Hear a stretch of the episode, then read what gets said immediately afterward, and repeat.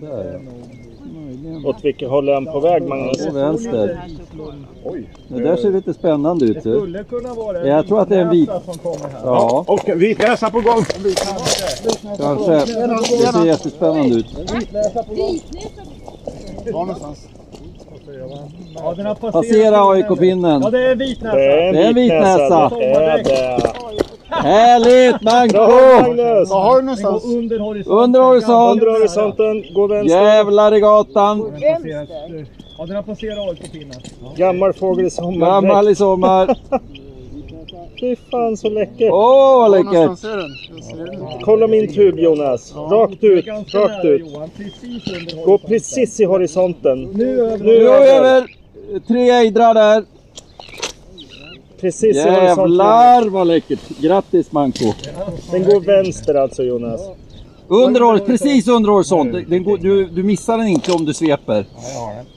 Har du den? Där, där ja. Jävlar vad läckert Manko. den alltså. Ja! Du blev av med oskulden Ja! Magnus. Snyggt! Ja, bra. Tack. Fy fan vilken helg. Var du tvungen att sätta dig ner? Du vart så tagen. Ja, det var kul. Ja, fy fan va. Ja, vilken stämning Magnus. Va? Det var det verkligen. Min första, min första eh, egenupptäckta sträckande vitnäbbar islom i sommardräkt. Ja. Grattis. Ja, det är, eh, ja, men ärligt talat, det är det faktiskt. Det där är ju en sån där grej som... Jag, menar, jag, jag, jag tror jag kommer ihåg när jag stod på udden för 25 år sedan och, och liksom klagade på att jag aldrig får se någon vitnäbbar islom i sommardräkt. ja. Nej, men det var, det var även om man nu inte blev av med vitnäsoskulden så är det lika roligt för det. Det, var, det är ju magiskt ju när de kommer. Ja, Det är som små moderskepp som kommer glidande. Som, ja, det är eh, urtidsödla. Vad var det för hastighet du höll? Du berättade någon gång Jonas att du läste en artikel om vitnäsans... Var det 100 kilometer i timmen eller vad var de flög? Fan, åh, du frågar mig så här, jag börjar bli så dement så jag hinner... Jag kommer Ja, men det inte var, det var, Men inte jag det? tror faktiskt att det, det, det, det tror jag definitivt de kan hålla. Jo, men det, Ehm. var det inte så att vi stod på Hamnudden i våras och pratade med Anders Hedenström om det? Så, Så och, kan och det jag ha har att han nämnde hastigheter på, på kring 100 km i timmen. Mm. Ja, häftigt. Kul var det i alla fall. Det var, det var, jag har haft två sträckande vitna islommar i vår. Ja, Mm. coolt. Ja, som Viktor Eriksson upptäckte också, en, en tvåkofågel. Ja, just det. Ja, var det tidigt? Bära rakt över udden. Ja, det var kul. Men eh, generellt, vilken fin skådning det har varit i år tycker jag. Ja, jag skulle säga en av de trevligaste maj på länge. Oerhört trevlig. Från april genom maj. Eh, Fantastiskt tycker jag. Mm. Sträckmässigt bra och det, det har hela tiden rört sig flera roliga nedfallsdagar här i, i maj också. Jag, jag tänker på, var det två år sedan det var, ja, det var ju då det var så varmt på sommaren. Den värmeböljan började egentligen redan i hela maj. Ja, Det var var ju- 20- 2018, det stämmer. Det började... Ja. Det, det, sista regn, det sista riktiga regnvädret hade vi den 2 maj och sen fick vi vänta till typ 7-8 augusti innan det regnade ordentligt igen. Ja, men precis. Men var inte den våren ett av det tråkigaste man har varit med om? Alltså, det var ju varmt och skönt. Ja, var inte en fågel. Det var helt galet tråkigt att skåda. Ja, ja. Jag tror rent skådningsmässigt så tror jag att man ska vara glad för ganska kalla vårar där man, där det liksom, där, där man drar ut ordentligt på våren. Mm. Och så gärna vindar från lite växlande håll och, och sådär. Och det har det verkligen varit i år. Det har ju inte på något sätt varit något liksom parkerat sydvästvinds... Eh. Alltså, det, har ju legat, det har ju legat kallluft länge i, och täckt Europa, alltså söder om oss. Vi har ju inte fått så mycket medelhavsarter och sydostarter den här våren för att det har ju varit kallt långt ner. Och så har våra arter som ändå ska upp smyger upp. Men det som är lite udda som man kan fråga sig, det är alla kornsparvar som har dykt upp. Mm. Var kommer de ifrån eller vad är det för populationer? Mm. Även fångsten nere på Ottenby har varit otroligt varierad och fin nu sista veckorna. Det, har varit, det blev en vår liksom med mycket blåhakar, det har varit mycket mindre flugsnappare, eh, en hel del buskvätter, mycket stenskvätter, mycket nattskärror i fångsten. Och, Ja, två arter där jag tänkte på. Dels hade ni väl en dag, var det 11 mindre flugor ni fångade? ja, det stämmer. Det var ja, 11 mindre flugsnappare, det var fyra, fyra gamla hannar. Det, det som är kul är att man instinktivt tänker att det är ju galet, det måste ju vara någon slags eh, rekord och så eh, är det ju inte ens nära. Det, kan, det är så märkvärdigt är det väl inte? Nej, men det är, utklippan har väl... Eh, vad är det de har? 19 eller? Jag vet inte, jag tror jag har varit med på 17 någon dag där. Alltså, Ja, men utklippan är extrem. ja, jo. Men, alltså, men hur ser trenden ut för mindre flug, Magnus? I, på, er, på ert material? Ökar den? Eh, Nej, men trenden är ganska den är rätt stabil hos oss. Eh, Över vårarna här nu så ser man inte några större förändringar alls. Och på, tittar man på höstarna de sista, ja, sista sju, åtta åren så, där, så ser den ju snarare lite vikande ut. Okej. Du nämnde stenskvätta också, Magnus. Ja, Eh, har det inte varit ovanligt mycket rastande stenskvätter eh, långt in i maj? otroligt. Jo, en sen topp ju. Ja, verkligen. Och det var, ju, det var ju nu bara här, vad kan det vara? Det var ju efter den 20 va, till och med. Om det var den 22 maj, tror jag det var, så stod jag ju eh, ja, vid, vid Södra Lundspetsen i princip och tittade över muren ut mot Schäferiängarna. Och på, på mindre än ett hektar där, närmast muren, så räknade jag ihop till 68 stenskvätter. Jag har nog aldrig sett liksom, sådana koncentrationer eh, av stenskvätter förut. Och precis som du säger Mats, så var de ju otippat sena. Brukar inte det här snarare vara runt, brukar vara runt 10 maj eller något sånt där som de kommer va? Ja, men, det var ju samma morgon, Mats. Vi stod nere på udden och det var liksom som en ström över havet med stenskvätter. Eh, vi hade, de kom i- emot, motvinden och gick lågt och många gick upp, gick upp i sundet. De struntade i Ottenby. Och Det kom i flockar. Den största flocken var på fem, men det, de var ganska sammanhållande flockar. Liksom. Det var inte... Ja, det var faktiskt, man får kalla det flockar som kom de sträckorna. Mm. Ja, häftigt. Riktigt kul. Ehm, ont om sällsyntheter nämnde vi ju här, men om vi blickar utanför landets gränser så har det varit i alla fall ett par höjdare va? Ja, en extrem stänkare får man ju säga. Eh, Vitkindad petrell. Ja, just det. Precis. Någonstans i England va? Jag var inte på Orknöarna. Orkney tror jag, va? Ja, Eh, huvudön när vi är på Orkney. Det är ju osannolikt eh, coolt ju. Jag måste säga att jag är helt off om det, det finns några andra, eh, hur mycket fynd i Nordatlanten det finns. Jag, jag har inte kollat upp det. Har ni koll på det? Nej, jag har ingen koll. Jag känner inte ens till den här fågeln innan. inte det, vi, jag tänkte på det. Det är ju inte omöjligt att den hade kunnat dykt upp i Nordsjön. Och det är ju inte så vanligt att man plötsligt får en fågel framför sig i Sverige som man inte fattar vad det är. De flesta har man ändå läst om i någon bok, men här hade, man, hade jag stått som ett fån i alla fall. Ja, är, ja okej. Det, det har man väl full förståelse för. Jag är lite biased där med tanke på att jag har varit några gånger i, Jo, i Sydatlant. Där är den ju väldigt vanlig. Eh, ja, men det gills inte. Nej, men det, det är en karaktärsart kan man säga i, i riktigt sydliga farvatten. Men den är ju, jag gillar. Den är, det är en häftig fågel ju. Mm. Eh, Ja, och sen i eh, Holland häromdagen bara, kan det ha varit igår eller förrgår, eh, så fångade de ju flugsnappare som... Jag noterar att du, häkt, du liksom stressade förbi när du haft fågeln för att få komma till en flugsnappare. Ja. Ja. Ja. Eh, men jag, jag tror jag skickade över de här bilderna till er alldeles innan vi började. Har ni dem framför er? Ja, Eh, det- är ju faktiskt lite, ja ni vet, liksom Balkanflug, naturligtvis blir det ju alltid en diskussion. Är det tänkbart liksom att en hybrid kan se ut på det här, på det här Mm. sättet? Och, jag vet inte vad, vad ni tycker, men i mina ögon så är det här liksom en fågel som på något sätt checkar liksom alla Balkanflugboxarna. Mm. Jag tycker den ser bra ut med de vita halvsidorna. Det, ser, det är mycket vitt i T6an, liksom det rundar toppen där också. det där är väl viktigt att det rundar toppen va? Jo, det, jo, precis. Det är ju det. Sen Mm. skulle man kanske vilja se... Man skulle väl vilja se en utspärrad stjärt. Jag skulle också vilja se den underifrån till exempel också. Men eh, fortsätter man på fågeln där så kolla mellersta täckarna också. Det är ju riktigt breda och Mm. kritvita tror det. ja. liksom toppar på det med. Och, eh, och, och, men jag vet ju inte liksom om, om, det, om, om, det, om, om det har producerats hybrider någon gång som har dragit åt det här hållet. Jag har i alla fall aldrig sett någon fågel som ser ut på det här viset utanför liksom Balkanflugens ordinarie häckningsutbredning och flyttvägar. Inte vad jag minns i alla fall, men som sagt, det var länge sedan jag tittade på det här. På de här.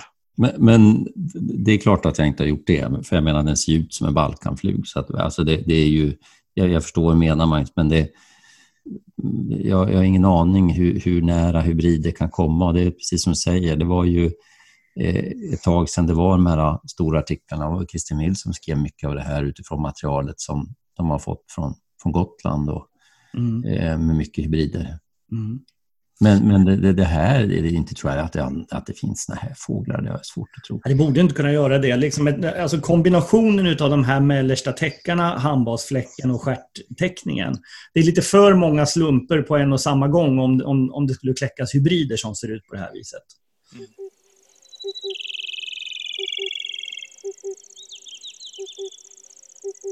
Ja, ska vi, vi, för er som tycker om prutgäss så kommer vi att lägga ut ett litet prutgås eh, special eh, under namnet Prutten.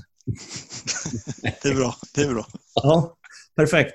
Och, ja, men det, vi får ju rekommendera, vi, vi kanske ska säga det då till, till er som lyssnar på det stora avsnittet här, att, att eh, Jonas gör en liten djupdykning vad gäller prutgässen och det var faktiskt väldigt intressant på många sätt. Jag lärde mig mycket av Jonas redogörelse där. Så missa inte, missa inte eh, avsnitt 18b. Ja, vi, har, vi har alla våra darlings och prutgås är, är ju en av mina och jag kunde liksom inte hålla med och det gick inte att få tyst på mig när jag väl började där kände jag. Nej. Ja, men det blir bra. Vi kör så.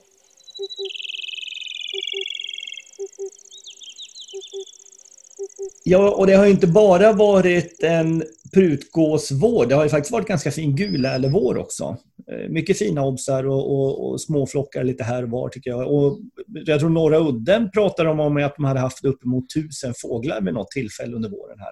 Oj, Ja, Jag hörde det, det låter helt extremt Ja. ehm, faktiskt. Ja. Ehm, Men Och- det är ju å andra sidan alltid bra med gulärna. Ja, det är ju det. det, är ju det. Eh, men du Mats, eh, du har grävt lite grann här va? Ja, faktiskt för att eh, när jag var på Norra Udden så tänkte jag nu ska jag försöka de första gulärleflockarna där. Det var väl precis i början av maj som jag var där några dagar i månadsskiftet. Och då hade det kommit upp lite nordliga gulärlor. Och tänkte nu ska jag kolla här hur, hur mycket gulärlor, hur mycket tumbergi ser jag med vita stänk i ögonbrynet eller vita ögonbryn. Som, det ser vi ju titt som tätt. Eh, det är ganska ofta ser vi det och så tänker man, eller jag har i alla fall tänkt att det här borde ju vara någon form av hybridisering någonstans mellan Flava och Thunbergi.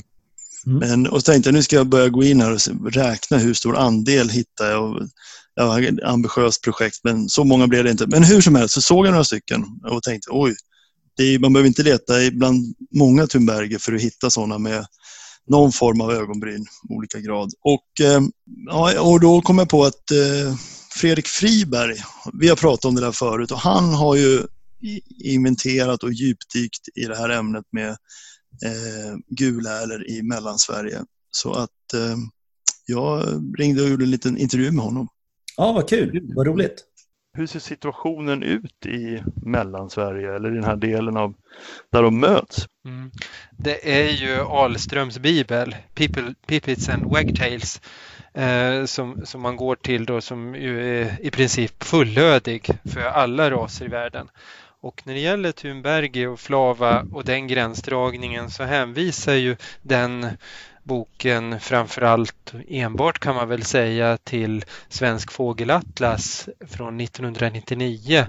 Och då är det eh, nästan alltid Martin Tjernberg som har skrivit de texterna. Och just i fallet Guläla så refererar ju han till eh, Dalarna faktiskt. Och eh, att det är skådare som upplever eh, en eh, zon som är ungefär 10 till 15 mil bred där de möts under arterna. Och det här i sin tur, det refererar ju till Dalarnas bibel kan man säga. Dalarnas fåglar som publicerades 1975. Kjell Bylin, eh, ganska omfattande faktiskt, där han citerar eh, dåtidens aktiva skådare och vad de upplever eh, just då. Och det var ju en tid utan fotografier och ingen möjlighet egentligen att diskutera vad folk tycker och sådär. Men det, det har blivit en verklighet kan man säga. Sen är det ju intressant att titta på Ahlström också för att interaktionszonen är ju olika bred beroende på var eh, mellan Thunbergi och Flava man tittar. Om man tittar där det är som bredast eh, i utbredningskartan det är ju kring Ladoga Och det är svårt att förstå varifrån det är hämtat kan man säga. Är det så att interaktionen mellan Thunbergi och Flava är större i Ryssland än i Sverige? Det vet jag inte, jag hittar inget stöd för det i alla fall. Men jag kommer ihåg att du har berättat att du, har ju, du och Eskil har ju inventerat myrmarker i norra Dalarna. Jag slogs av dem, den numerären. Ni hade ju massor med Thunbergi va? Ja, vi har ju fått eh, chansen att ta de myrarna som är allra mest individrika och då gäller det bara Thunberg. Och det är fjällnära myrar.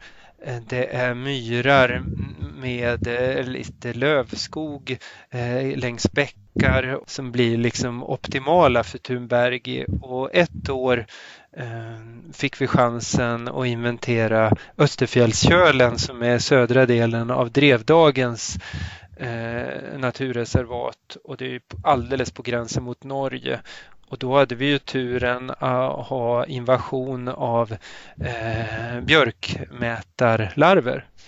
Och då var det ju alltså optimalt med otroliga mängder guläla som gick ihop nästan kolonivis och då har vi i ett inventeringsområde som visserligen är kring 1000 hektar stort så hade vi ju över 100 revir. Men det, och där har ni, och då, för det du sa då var ju att på myrar, myrmarker och mossar så har, det är där du hittar Thunbergi i, i Mellansverige. Vad är de nordligaste flava idag kända flavahäckningarna? I, om vi tar Dalarna nu då till exempel. Eh, då är det nog så att från 70-talet och framåt har eh, den här gränsen eh, stått still. Det går inte att säga något. Eh, man skulle kunna tänka sig att det har ökat eller minskat. Utan, eh, om man tar eh, Flava så går den upp ungefär till eh, Borlängetrakten. Och Det Och, finns där, och då häckar den bara egentligen i slättsjöar och betesmarker och sånt? Eller? Ja, och det, den blir ju kräsen som bara den ju längre upp man kommer. Jag har ju för drygt tio år sedan fått chansen att bo i Frankrike och där är det ju så att flava kan vara åkerhäckare. Alltså det är ju... Så är det ju på Öland till exempel också. Ja, ja. och om man går upp mot Uppland så det ska ju vara en kombo av inte för betad ja, eh, nötkreatur och så ska det vara vassområden och gärna sjönära. Då Och var, det. var i Dalarna är man då? Ja, men då finns det ju några lokaler nära Borlänge, eh, Slättsjöar, det finns eh, Hedemora, Hovranområdet. Men det rör sig inte om många par alls. Och, Och det- där hittar man aldrig Thunbergi häckande? Det, det skulle jag vilja eh, ta reda på mer för att eh, eh, Eh, Hovran är ett område som traditionellt ansetts, där finns både Thunbergi och Flava. När jag söker på eh, Artportalen och försöker söka i mitt eget minne så kan jag för mitt liv inte hitta riktigt bra eh, slättsjöhäckande Thunbergi utan den är riktigt, riktigt eh, fokuserad på sådana myrar som jag beskrev. Det är liksom Thunbergi-miljö. Så ska man, ska man då, då innebär det, om man, tar, om man börjar i Dalarna, Ja.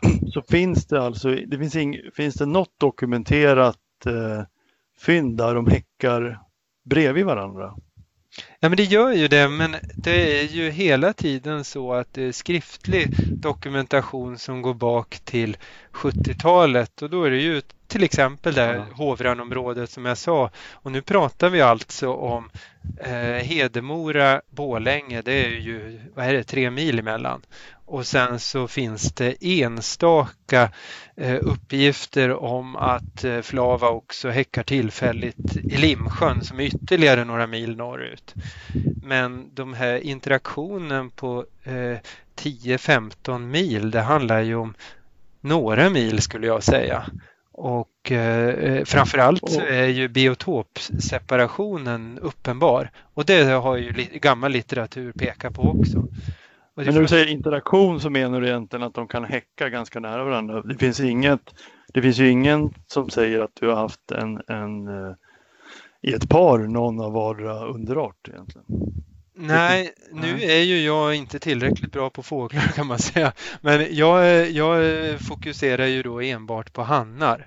Nu finns det ju skillnader mellan honor, Thunbergi och Flava om man generaliserar. Men eh, vågar du dig på att säga hundraprocentigt? Nej, det skulle jag nog inte göra. Nej, nej så är det ju. Men om du, om du går längre österut då, eh, vet du hur är läget i Uppland och Gästrikland där? då? Har man, har man haft några indikationer på samhäckningar där? Eller att de häckar bredvid varandra? Nu är jag aktiv i Uppland och sammanställer rapporter och så inom rapportkommittén. Och eh, vi har ju aldrig haft någon myrhäckande Thunbergi någonsin. Och det är ju fascinerande. Du frågade mig tidigare om nordgränsen för Flava.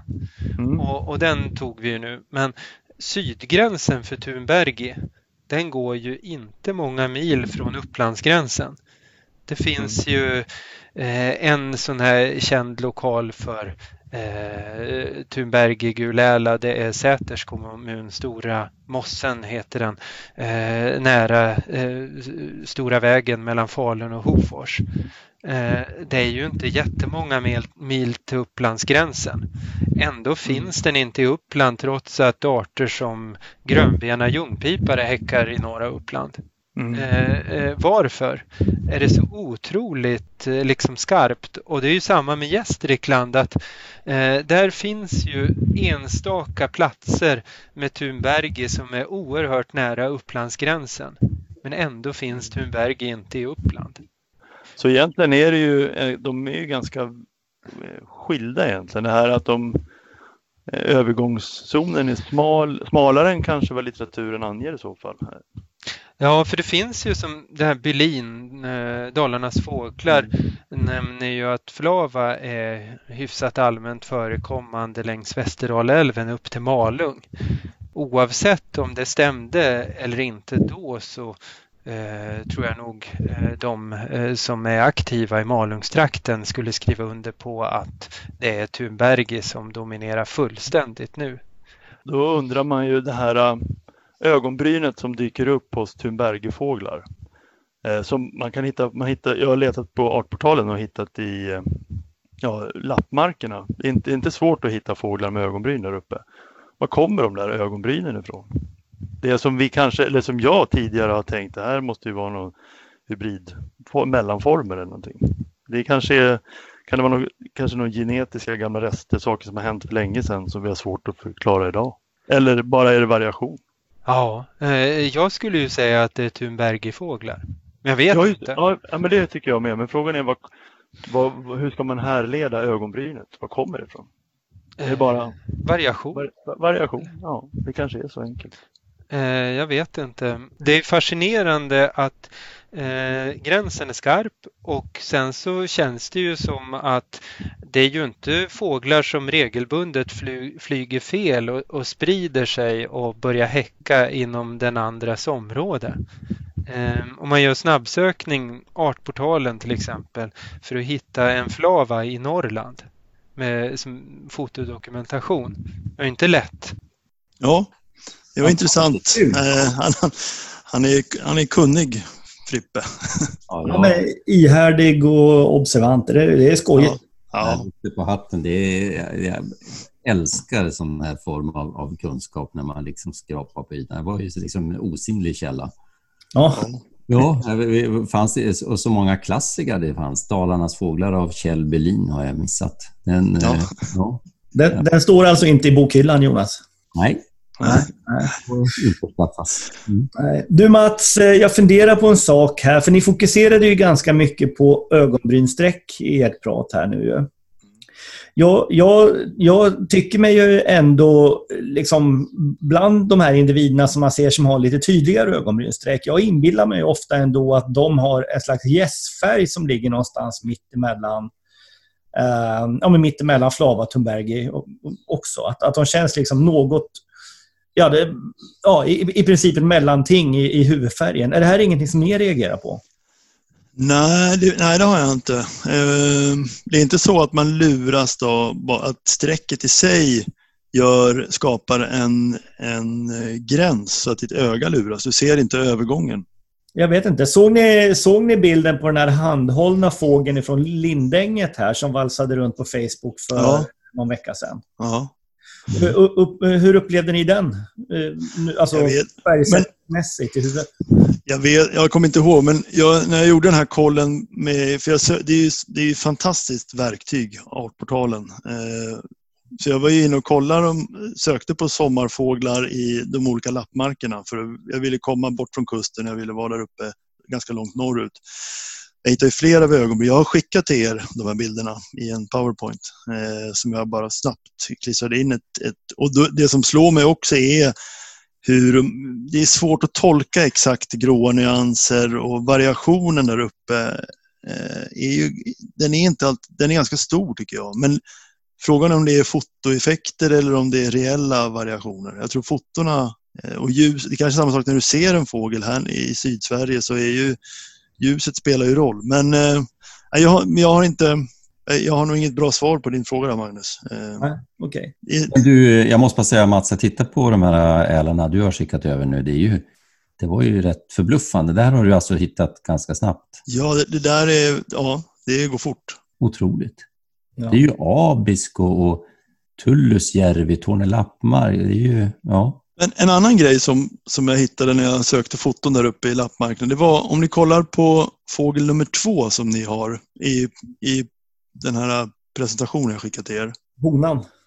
Honan, kolla på den bara vid en, vid en snabb. Och så, om ni skulle ha den där uh, nere i Sydsverige, skulle ni säga direkt att det där inte skulle kunna vara en, en ganska ful flavahanne? Jag blev, för, jag blev förvånad över hur, ändå hur, så att de kan vara så pass lika en flava, en hona, Thunbergi. Ja, kanske. Jag, jag tycker ändå det är så dålig stuns i teckningarna generellt på den. Och sådär. Absolut, den är ju, det skulle ju liksom vara en... en eh, ja, det var, det var kuriosa bara. Jag, jag, Ja. alltså, frågan är hur, hur lätt det blir att detektera en hybrid eh, på utseendet. Man måste hitta paret och det är som Frippe säger att det är inte helt lätt att vara hundra på vad honan är. Så att både att detektera ett, en hybrid i ett par är svårt men även att detektera en hybrid på utseendet i Sydsverige när de är på flytt är också svårt. Mm. Men det är ändå intressant den här, eh, det han är inne på med alltså att de är så biotopseparerade och att den här eh, geografiska eh, överlappszonen är ju så, den är väldigt begränsad. Alltså. Ja, verkligen. Ja.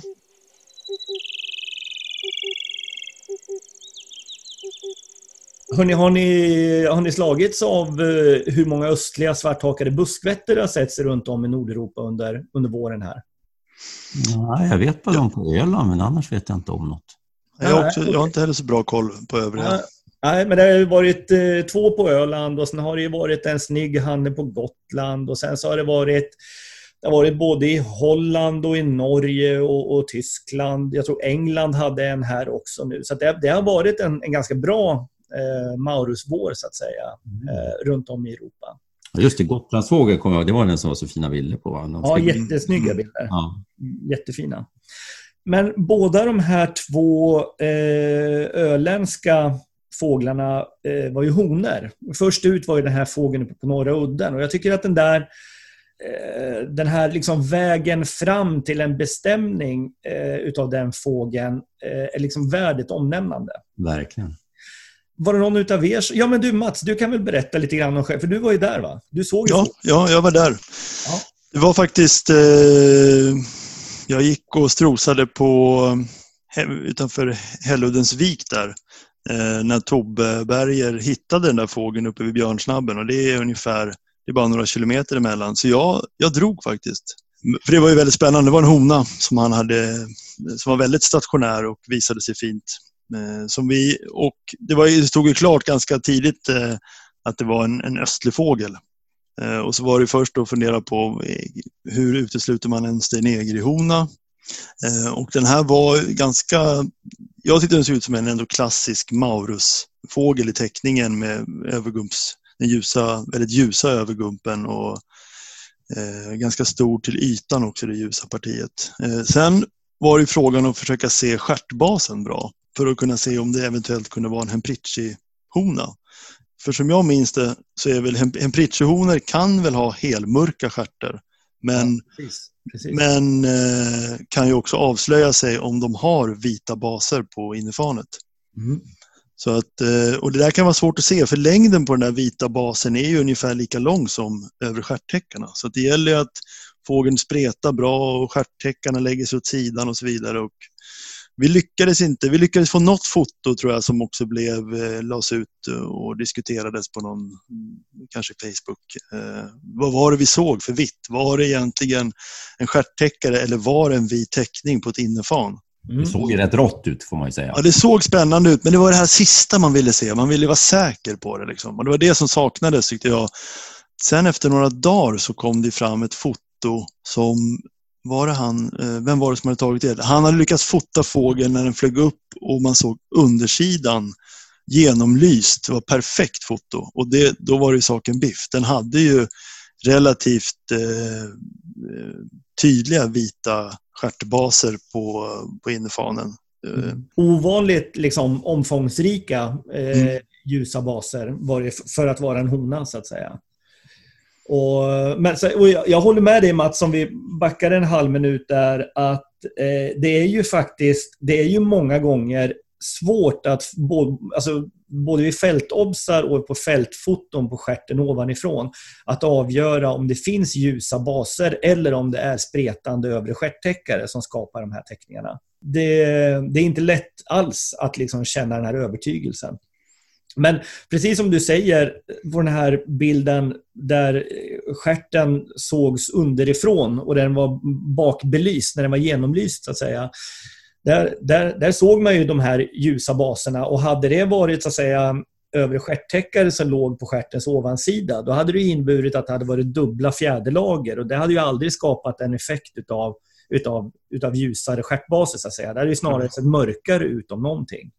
Jag tycker det var lite, det, är ju på något vis just det där att fota, fota en stjärt underifrån. Ja. Alltså det, det är ju... eh, Genialiskt. Det är lite nytänkt. Ja, genialiskt. Man kommer ifrån allt det här problem, övre stjärttäckarproblematiken på något vis. Det var ju Ja. det är fantastiskt. Jag, alltså det har man, jag har inte tänkt på det. Nej, nej det, hade jag, det tror jag inte någon av oss har gjort innan. Jag, jag tror aldrig, till att börja med, så tror jag att det här är den första Hemprichi-honan som någonsin anträffas i Nordeuropa. Alltså som anträffas som en felflugen vagrant om man säger så. Mm. Eh, alla för- så, så vi ger credit här, visst var det Hasse Olsson som fotade det? Ja, men det kan nog stämma. Det kan stämma. Ja. Mm. Nej, så att, så att, ehm, och, men, men antagligen har det ju setts en massa Hemprichi-honor i Nordeuropa, men de har ju naturligtvis... ehm, ja, de, de, eh, de går ju inte att skilja ifrån, ifrån Maurushonorna för att de antingen är mörkstjärtade eller för att man helt enkelt har... Man, man har inte fotat stjärten underifrån. Nej, men precis. Men du Magnus, hur, hur bra koll har vi på egentligen på, om vi tar variegatus, den stora liksom Kaukasusformen som har, i alla fall hannarna har ju vita teckningar som inte inte lika mycket som en, som en hemprichur. Men hur får honorna se ut på variegatus? Ja, de, de, har ju min, de har ju i genomsnitt mindre vikt än vad hannarna har också. Det innebär ju att, att i, det, precis som med Hemprichi så är det ju helt, det är dominerande mörka stjärtar på honorna.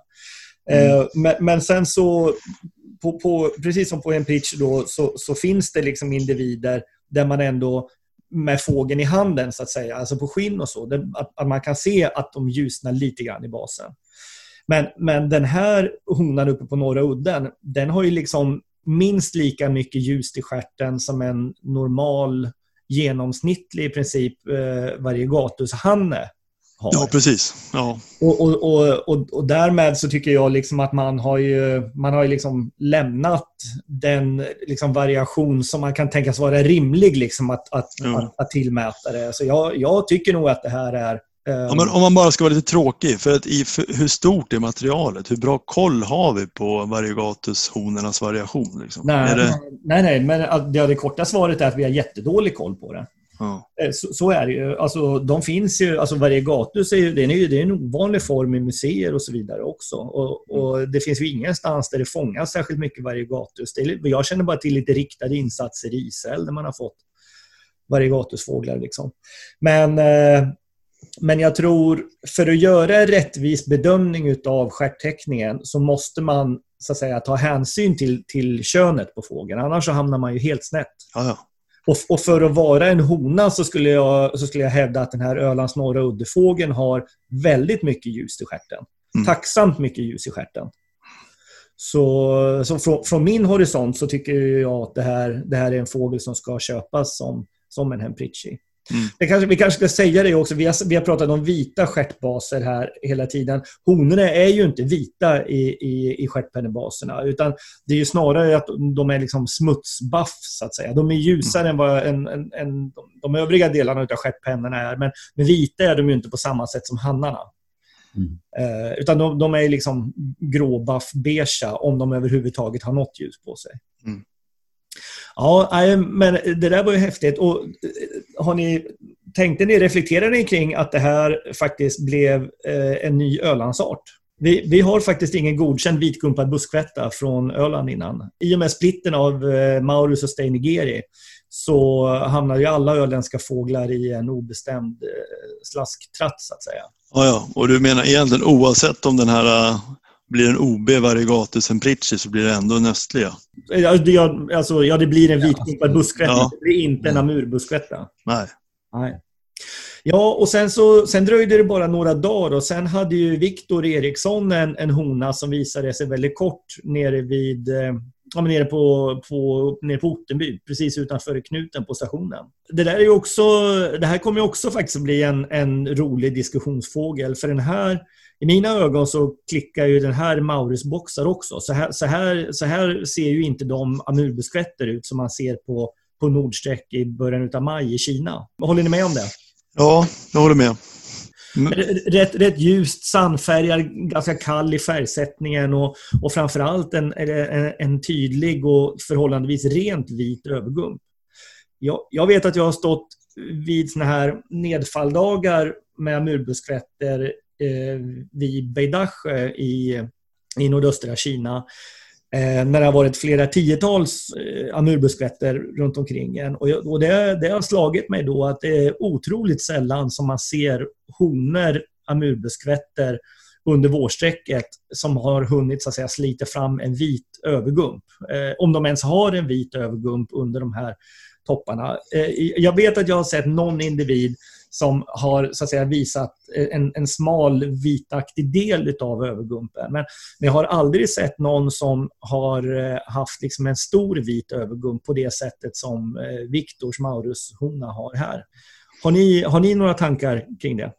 Ja, jag gjorde faktiskt, jag gick igenom en hel del ryska fotosidor. Eh, för, för jag hade en, också en vi såg ju Sten-Eger uppe i, ja, när vi var i Lena eh, och jag slogs av hur rävröda de var på övergumpen.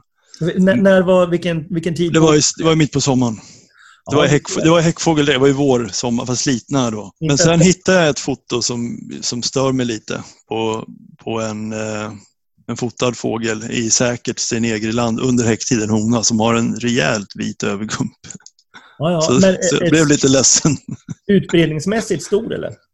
Man ser, det är svårt, man ser inte, man kan inte avgöra var det slutar på fotot. det är väl orimligt att tänka kanske att det, att det är vattentätt, men, men jag tror att, att, att mönstret finns på plats. Så att säga. Mm. Det, det, det, så tror jag nog att det är faktiskt ändå. Att Maurushonor generellt sett har en renare, tydligt renare vit övergump än vad, än vad murbuskvätterna har. Det, Absolut. det tror jag. Ja. Men eh, om jag får ställa den här frågan då. Vi har ju haft lite diskussioner om, om säkerheten på höstfåglar. Skulle du ändå säga, Magnus och Mats, att, att det är betydligt större chans att under våren separera en Stenegre från Maurus, eh, både hanne och hona, än vad det är på hösten? Du har ett större andel som på något vis är outliers som inte är i överlappszonen. Jag, jag, jag tycker att formerna är lite mer olika på vårarna än vad jag tycker att de är på, på höstarna. På hösten är det lite mer liksom glidande skalor på något sätt som, man, som jag upplever i alla fall. Man, man har lite fler parametrar att spela med på, på våren än vad man har på, i de här fräscha dräkterna på hösten.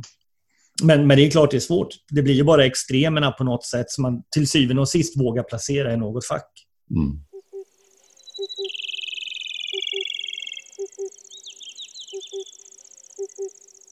Hörni, vi eh, får inte glömma att nämna eh, den stora rariteten här i vår.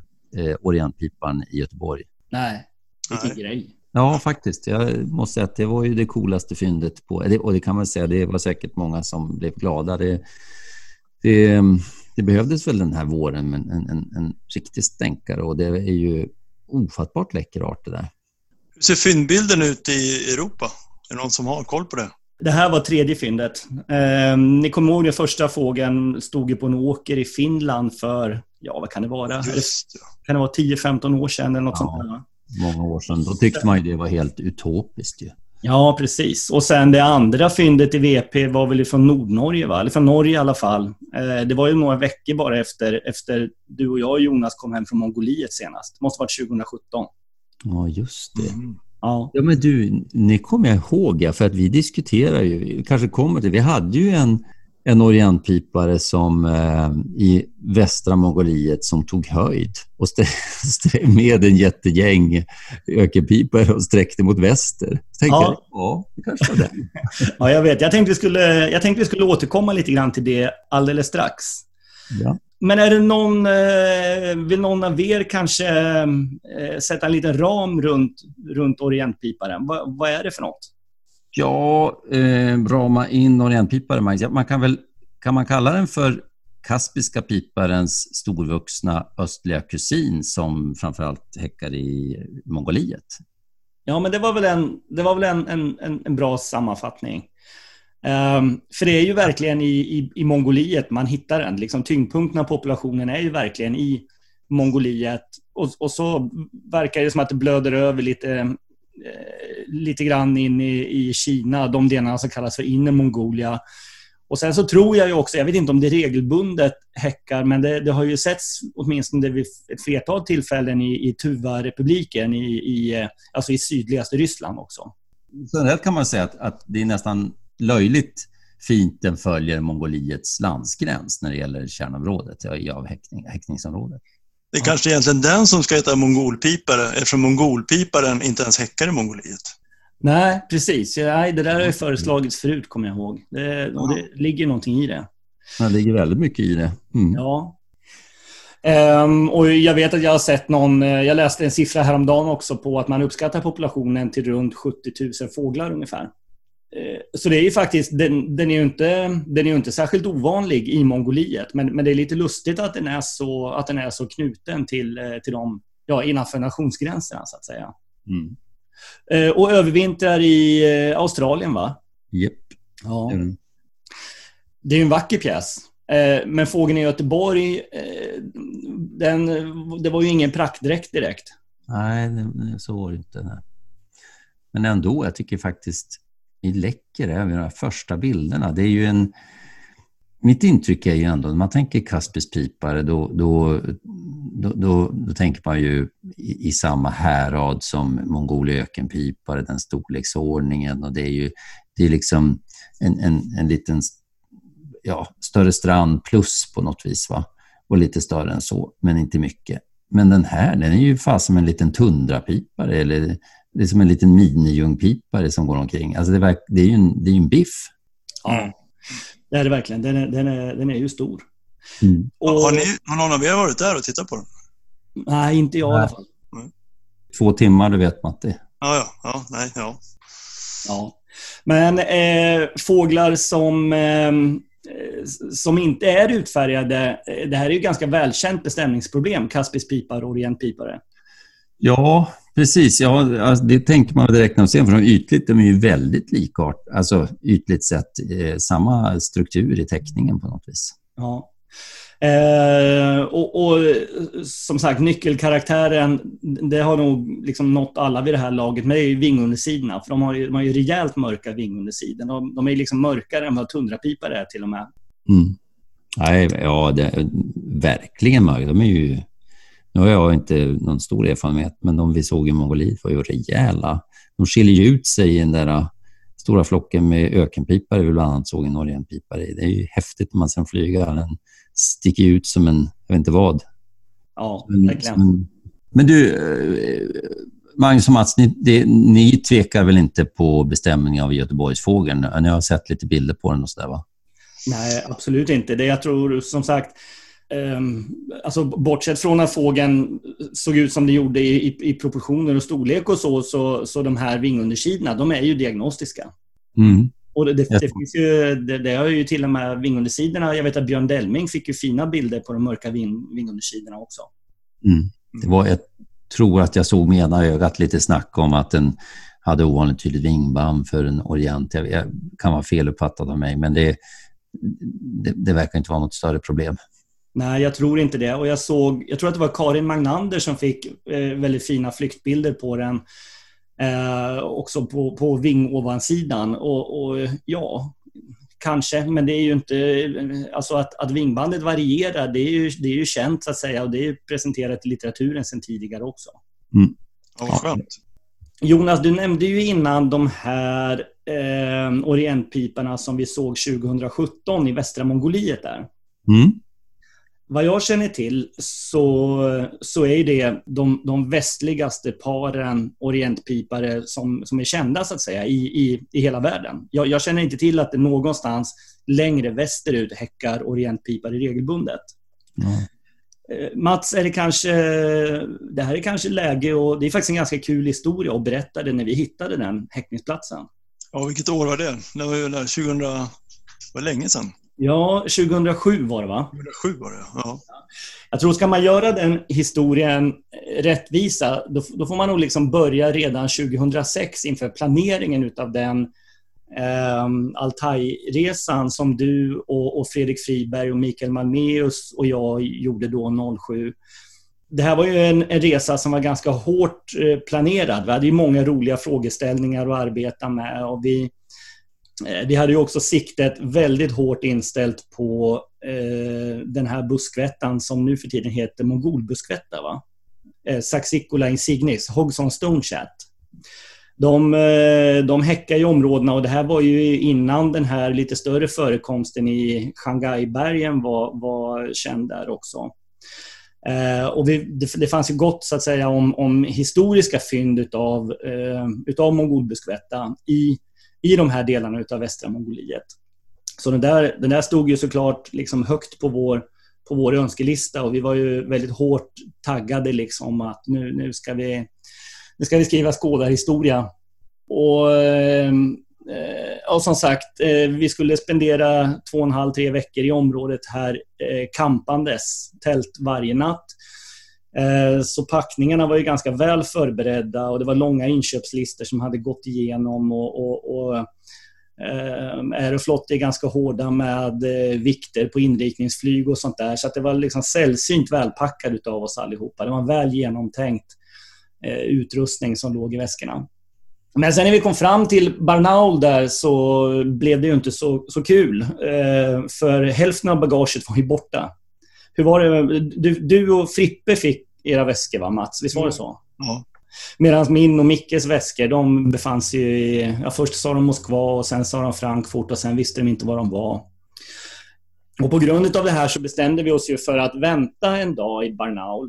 Eh, Så vi blev, vi blev försenade ett dygn från Barnaul och sen när vi dag två där insåg att vi kommer inte att få vår packning då heller för det var söndag och ingen av, det var någon arbetslag som inte jobbade i Moskva och vad det var. Så sa vi att då skiter vi i det här. Och så fick vi köra med Mickes reservbriller och åka på rysk second hand-shop och, och, och köpa gummistövlar och sovsäckar och grejer. Eh, och sen så gav vi oss upp i de ryska delarna utav Altaj några dagar och sen när vi kom fram och skulle köra över gränsen in till Mongoliet så visade det sig att det var någon slags helgdag. Eh, så gränsen var ju stängd. Vakterna satt och spelade kort med varandra istället och vägrade släppa över folk. Så vi blev ju ytterligare en dag försenade in i Mongoliet. Vi var alltså två dagar sena. Och eh, när vi väl kom in i Mongoliet sen och rörde oss bort emot det här bergsmassivet Karkira där vi, eh, där vi skulle ge oss upp på hög höjd och leta efter mongolbuskvätterna. För de, de hittar man ju liksom på 3000 meter höjd plus. Då visade det sig när vi väl kom dit att den här killen som vi hade bokat för att få hjälp med att hitta upp i bergen där, han hade ju stuckit för länge sedan och ingen visste ju var han, var han var någonstans.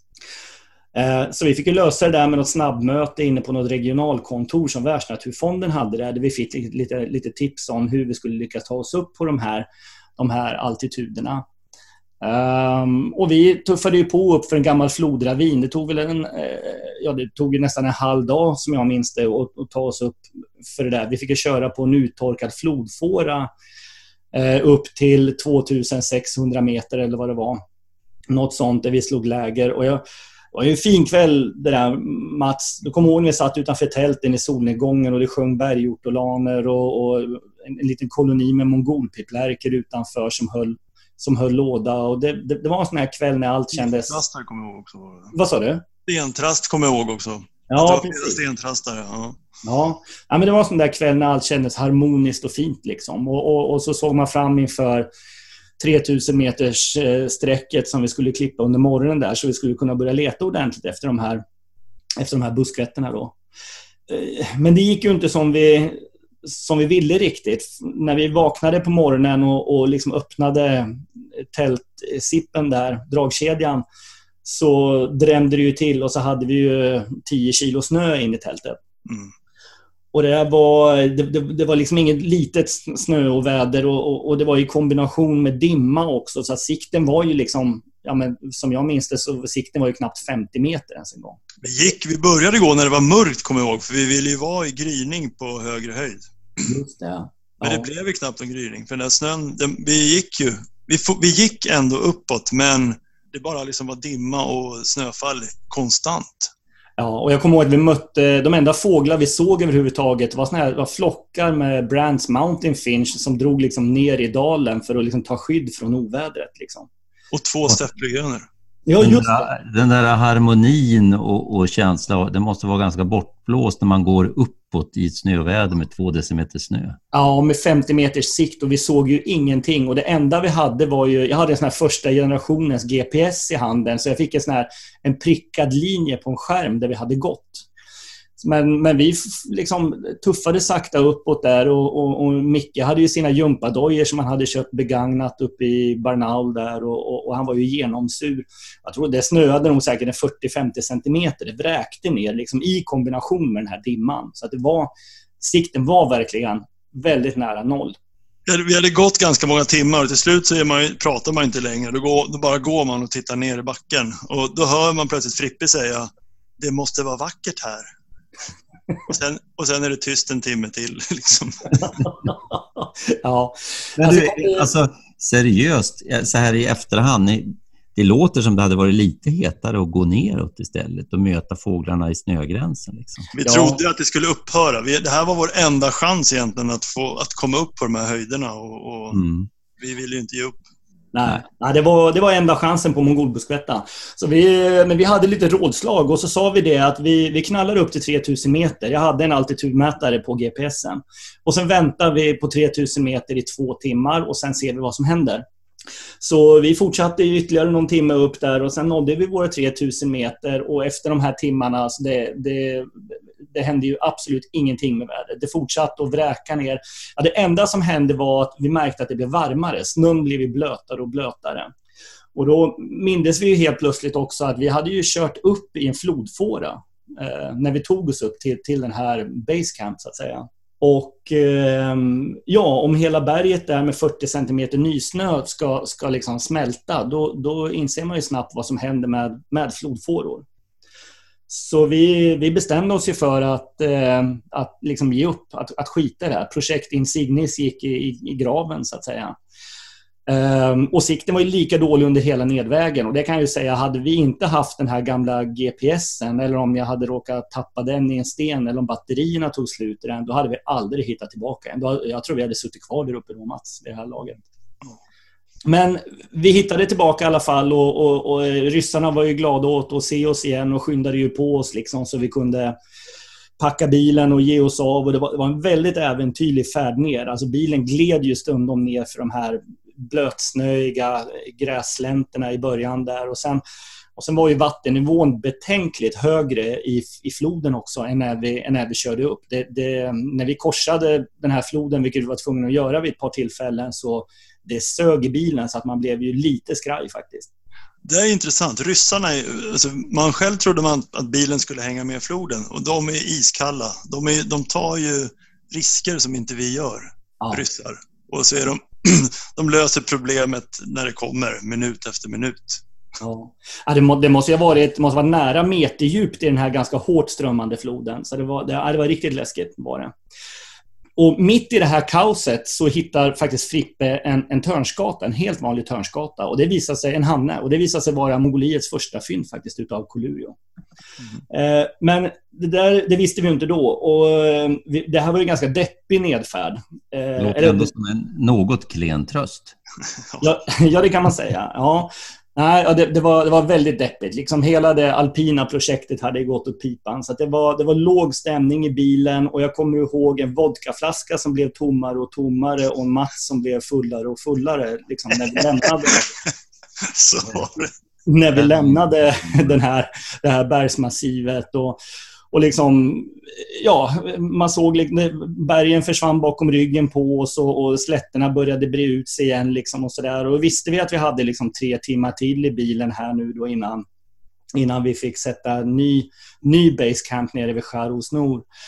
Eh, och, och det, det, var, det var helt enkelt inte muntert. Det var, liksom, det var, det var ingen harmoni i bilen. Trots vodkan alltså? Ja, trots vodkan. Nej, det var, det var en låg... Det här är inte sant.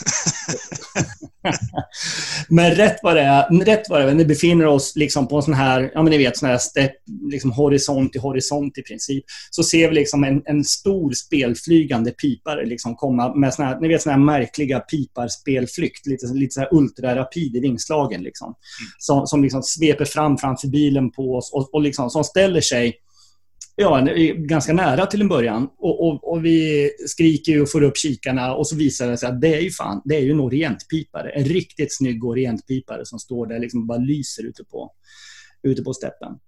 Och det där, det blev ju, det där blev ju dagsräddaren såklart. Helt plötsligt blev vi ju glada och fick lite energikickar och grejer och allting. Eh, och det där var ju just vid det här eh, stället Holbonor. Och, och jag följde ju online så att säga några andra resor under de kommande tio åren som var där. Jag tror att åtminstone två andra besök har jag, har jag läst om som har haft orientpipare på det där stället um, under de efterföljande tio åren där. Och sen 2017 då Jonas, nu häromåret när vi var där, då gjorde vi ett nytt försök i samma området och då hittade vi faktiskt flera stycken. Mm. Så det, uppenbarligen så är ju det här ett ställe där de, där de häckar. Men, men som sagt, det, det, jag känner inte till att det finns häckande orientpipare någonstans längre västerut än det här.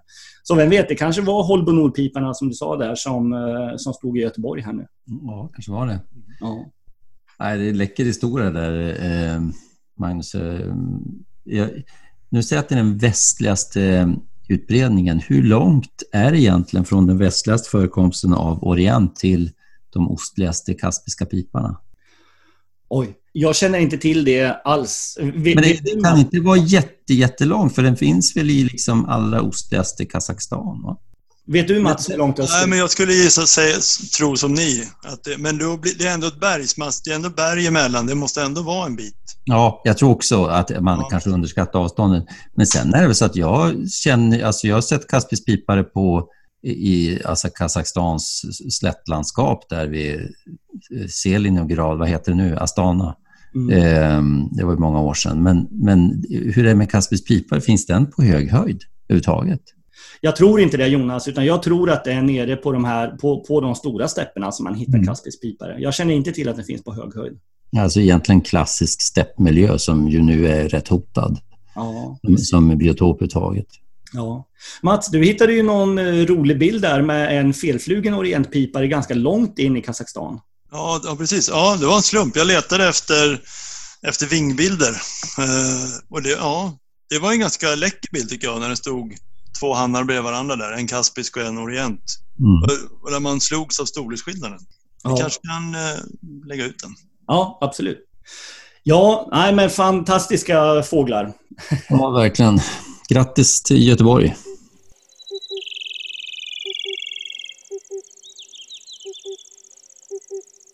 Jonas, jag undrar ju såklart, vad har du inte kunnat släppa här nu? Jaha, ja men du, det har ju varit eh, ganska mycket som man har tänkt på här under våren, men eh, det som väl jag inte har kunnat släppa är de positiva effekterna att ha med sig parabolen konsekvent när man står och skådar. Och jag är ju inte någon som så ofta går omkring bland buskarna utan jag ställer mig gärna och tittar på streck på morgonen och det blir gärna Ottenby och eh, där kommer det oftast eh, med lite tur, lite, eh, har man chans på insträckande tättningar, utsträckande och allting så det gäller att vara med med hörseln också. Och då är det faktiskt fantastiskt att ha, för, för det har jag gjort, är att ha med mig parabolen, sätta igång inspelningen direkt när man kommer ut och så bara lägga den en bit bort, rikta den rakt upp mot himlen och så får den där gå under morgonen. Mm. Och jag har väl åtminstone tre, fyra exempel på när man tycker så, nej men vänta nu, vad, vad var det där? Och så sen så, eh, ibland har det kommit närmare och man har själv konstaterat det. Eh, och, och, ibland så var man tveksam. Och så kommer man tillbaka och lyssnar på inspelningen så är det så att parabolen hör ju mycket mer än vad man själv uppfattar. Och ibland så är det nästan humoristiskt hur sen man är på bollen av ett läte. Och det, det har jag ju flera exempel på som jag, jag spelar gärna upp några av dem och bjuder på det. Eh, eh, bland annat så till exempel en, en ortolansparv som eh, slog sig ner, förmodligen kom insträckande, eh, satte sig ner och började locka. Och, och, och den lockade och den lockade och vi står och surrar. Inte minst du, Magnus, står och pratar. och så så lockar den, man hör. Och, och, och så sen sjunger den en strof och vi pratar vidare. Och sen liksom man känner den här ortolansparven, nu har jag lockat så jävla länge, de, hör, de hör ju inte och så sjunger lite, men sen drar den i som fanken en riktigt tydlig sångstrof och då, då händer det någonting i gruppen. Liksom. Åh, ortolansparv! Men den har ju liksom suttit där ett tag då och, och gjort, gjort sig hörd. Sen ska jag, när man spelar upp det här, vi kan ge de exemplen sen, så, så, låter det lite bättre än vad det var. För att jag har ju haft parabolen inriktad in mot fyrträdgården och vi har stått och haft eh, vågor som kluckar och, och, och, vindbrus och så i öronen. Och där har egentligen varit riktad in mot fåglarna i trädgården. Va? Så att det är riktigt så tydligt kanske inte vi har hört det som man hör på, för det är, det är lite humor faktiskt när man hör det där. Och dels det, och så vet jag att vi stod i Magnus och, och um, Eh, uppe vid museet och du sa det plötsligt så här, men vad fan var det som knäppte liksom? Det var en fågel som passerade och jag, jag, jag vare sig såg eller hörde så bra, men så kom jag på att just jag har ju parabolen på. Och så går jag tillbaka och lyssnar och det var ju en solklar kornsparv som flög över och, och lockade. Och vi har ett exempel på när vi tyckte, eller, och jag hörde jättedåligt, tyckte men vad fan var det inte något strävt som lät, alltså lite citronäle mässigt. Och så sen så lyssnar man på parabolen så lockar den ju tre gånger tydlig citronäla eh, som man kan plocka upp. Och, eh, Som rev eller? Ja. Han kommer där. Det var någon som rev till lite. jag hörde andra gången, hörde jag. Ja. Jag kan hålla med att det är, det är som allra bäst när man får, får stå själv, för det är, man märker också det, det är inte så kul att, få surr i eh, mikrofonen hela tiden. Men ibland är det kul att få... Vi inledde ju med lite stämning och vita badisslom där. Det är också en rolig effekt att, att, få när man har den där parabolen. Mm. Ja, men jag, jag, kan bara tipsa om, det är faktiskt himla kul med det där. Och, eh, kul att spela in och det är en stor hjälp sen när man, man för det är ganska ofta man hör vad fasen var det där. Och det är bara att gå tillbaka och se vad det var. Ja. Ja, jättekul. Superroligt. Mm. Eh, Mats? Ja, men jag tyckte det här fyndet eh, av den här personata sädesärlan som Hasse hittade på Stens huvud eh, 12 april var det tror jag. Och som var kvar några dagar och eh, så försvinner den, jag tror den försvinner den 14 kanske, jag kommer inte ihåg. Men sen två veckor senare så hittas en Personata sädesärla på Utsira, 70 mil åt, alltså Utsira i Norge, 70 mil fågelvägen åt nordväst. Mm. Och de, båda de här fåglarna fotas väldigt väl och man kan härleda på flera karaktärer att det är samma individ. Ja. Eh, det är ganska... Eh, ja, jag tycker alltid det är lite kul med... Vi har pratat om det förut i podden, hur, hur vi tror att vi dränks av massor med... Vi missar massa fåglar, men vi återupptäcker mycket också. Ja. Ja, Kul, roligt. Ja, det där är ju, det är ju alltid tufft att kunna följa individers rörelse, så att säga. Oavsett om det är fjärde detalj eller ringar eller vad det nu kan tänkas vara. Det... Men du, och på tal om ringar, alltså det, det var ju exempel turturduvan i våras också. Inte klokt. Ja. ja, just det. Precis. Vi märkte en turturduva nere på Ottenby som dagen efter fotograferades på Ölands norra udde. Den hade dragit 14 mil norrut direkt där. Eh, och sen så dröjde det, vad var det, en och en halv vecka, kan det stämma? Två veckor? Ja, ja men inte mycket. Ja, någon vecka. Ja, sen satt den ju längst ner på sydöstra Gotland. Mm. Samma, samma individ. Ja. Ja, eh, jag har själv inte riktigt kunnat släppa årets fina passage av blåhakar. Vi har ju fångat nästan kanske ett 40-tal tror jag den här våren nere på udden. Och Ehm, eh, bland de här blåhakarna så har vi fångat ett par individer som har förbryllat oss lite grann vad gäller könsbestämningen. Normalt sett så är ju könsbestämning av blåhake en, en, en väldigt enkel grej så att säga. Hannarna är ju i princip alltid eh, superblåa och liksom med, med briljans i det blåa och distinkta teckningar och avgränsningar och mörkröd och tydlig mittfläck på strupen. Ja, och, och sen honorna då, så att säga. Det är många honor, även äldre honor, saknar ju blått helt och hållet. Medan andra honor, så att säga, de lite snyggare honorna, kan ha en del, eh, en del blå inslag. Både så att säga, i nederkanten på bröstet men även upp, eh, upp på, på strupen och så också. Och jag har tidigare om åren pratat lite grann det här med blåhake könsbestämning eh, med Åke Lindström som ju, som ju ansvarar för Luvreprojektet uppe i Ammarnäs. De får ju en del blåhakar där uppe. Och Åke har berättat och också visat bilder på, eh, på, på, lite blåare honor. Bland annat en fågel som de fångade där med, med ruvfläck. Och jag, jag, jag, tror att de fick hannen, eller de, de såg hannen i samma par också. Så att, så att det var en säker hona. Eh, så e-, extrema honor, de, de, de kan ha rätt mycket blått helt enkelt. Men, men sen vi, fick vi en fågel här, och du var ju med den morgonen också Jonas, där nere, eh, som var ganska... Eller man ska börja med att säga att det var en, en gammal fågel, det var en 3 plus-fågel. Så man, det är viktigt liksom att, man, att man har det med sig när man tittar på, på utfärgningen på den här. Men eh, direkt, liksom, även fast det var väldigt mycket blått i fågeln, så har den ju inte riktigt samma stuns i teckningen som gamla hannar brukar ha. Den, den, den, är, den är inte ens så snygg som 2K-hannar normalt sett brukar vara. För även 2K-hannar brukar vara tydligt, tydligt färgade.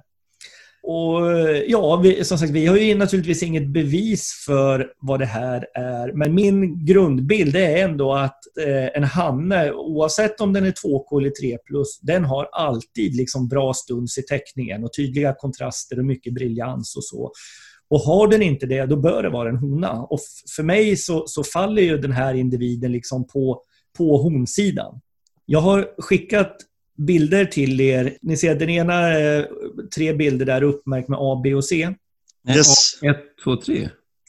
Ja, det är två bilder. En med nummer och en med Ah, bokstäver. sorry. Ja. Mm. Precis. Och fågeln till vänster där, den som heter A, det är ju alltså då den här individen som jag har eh, beskrivit här nu. Vad tänker ni när ni, när ni ser den här? Jag hade ju slarvat, jag hade ju slarvat direkt om jag sett den där fält och sagt Hanne. Jag också. Det, alltså utan någon som helst. Mm. Hade ni gjort det även om ni visste att det här var en 3 plus-fågel? Jag hade nog, jag hade nog fortsatt kolla på prut, sagt Hanne och fortsatt kolla på prutgäss. Det är samma här. Jag, eh, liksom, eh, du, du har sådana hypotetiska tankesätt som du applicerar på mig som inte jag har. Ja, okej. Eh, om vi går upp på nästa fågel, den som heter B där. Det är en fågel som togs bara för några dagar sedan ute på Nidingen. Den är ju, de är rätt lika de här två fåglarna. Kanske att Ottenbyfågeln är lite blåare än vad den här är. Framförallt under röda fläcken där. Va? Mm. Och, och knallar vi sen vidare till C så har vi en av Åke Lindströms honor där som han har skickat in. Men som alltså är en säker hona på häckplats. Vi, A-fågeln är ju mest extrem alltså. Den är ju... Mm. Ja, ja men det är den. Det är den. Vi sparade ju en, en fjäder ifrån den här fågeln eh, som Linus Hed tog med sig ner till, till Lund. Och, och min förhoppning är att vi ska få den könsbestämd på genetisk väg. Han kommer slarva bort den på tåget, eller så blir den stulen på tåget. Ja. ja. Eh, om vi byter bild till den stora bilden, den som det är numrerat med siffror, nio, nio stycken olika bilder. Mm. Eh, ettan där är ju Åkes fågel igen. Tvåan och trean har vi då eh, den här fågeln som vi har pratat om nu från Ottenby.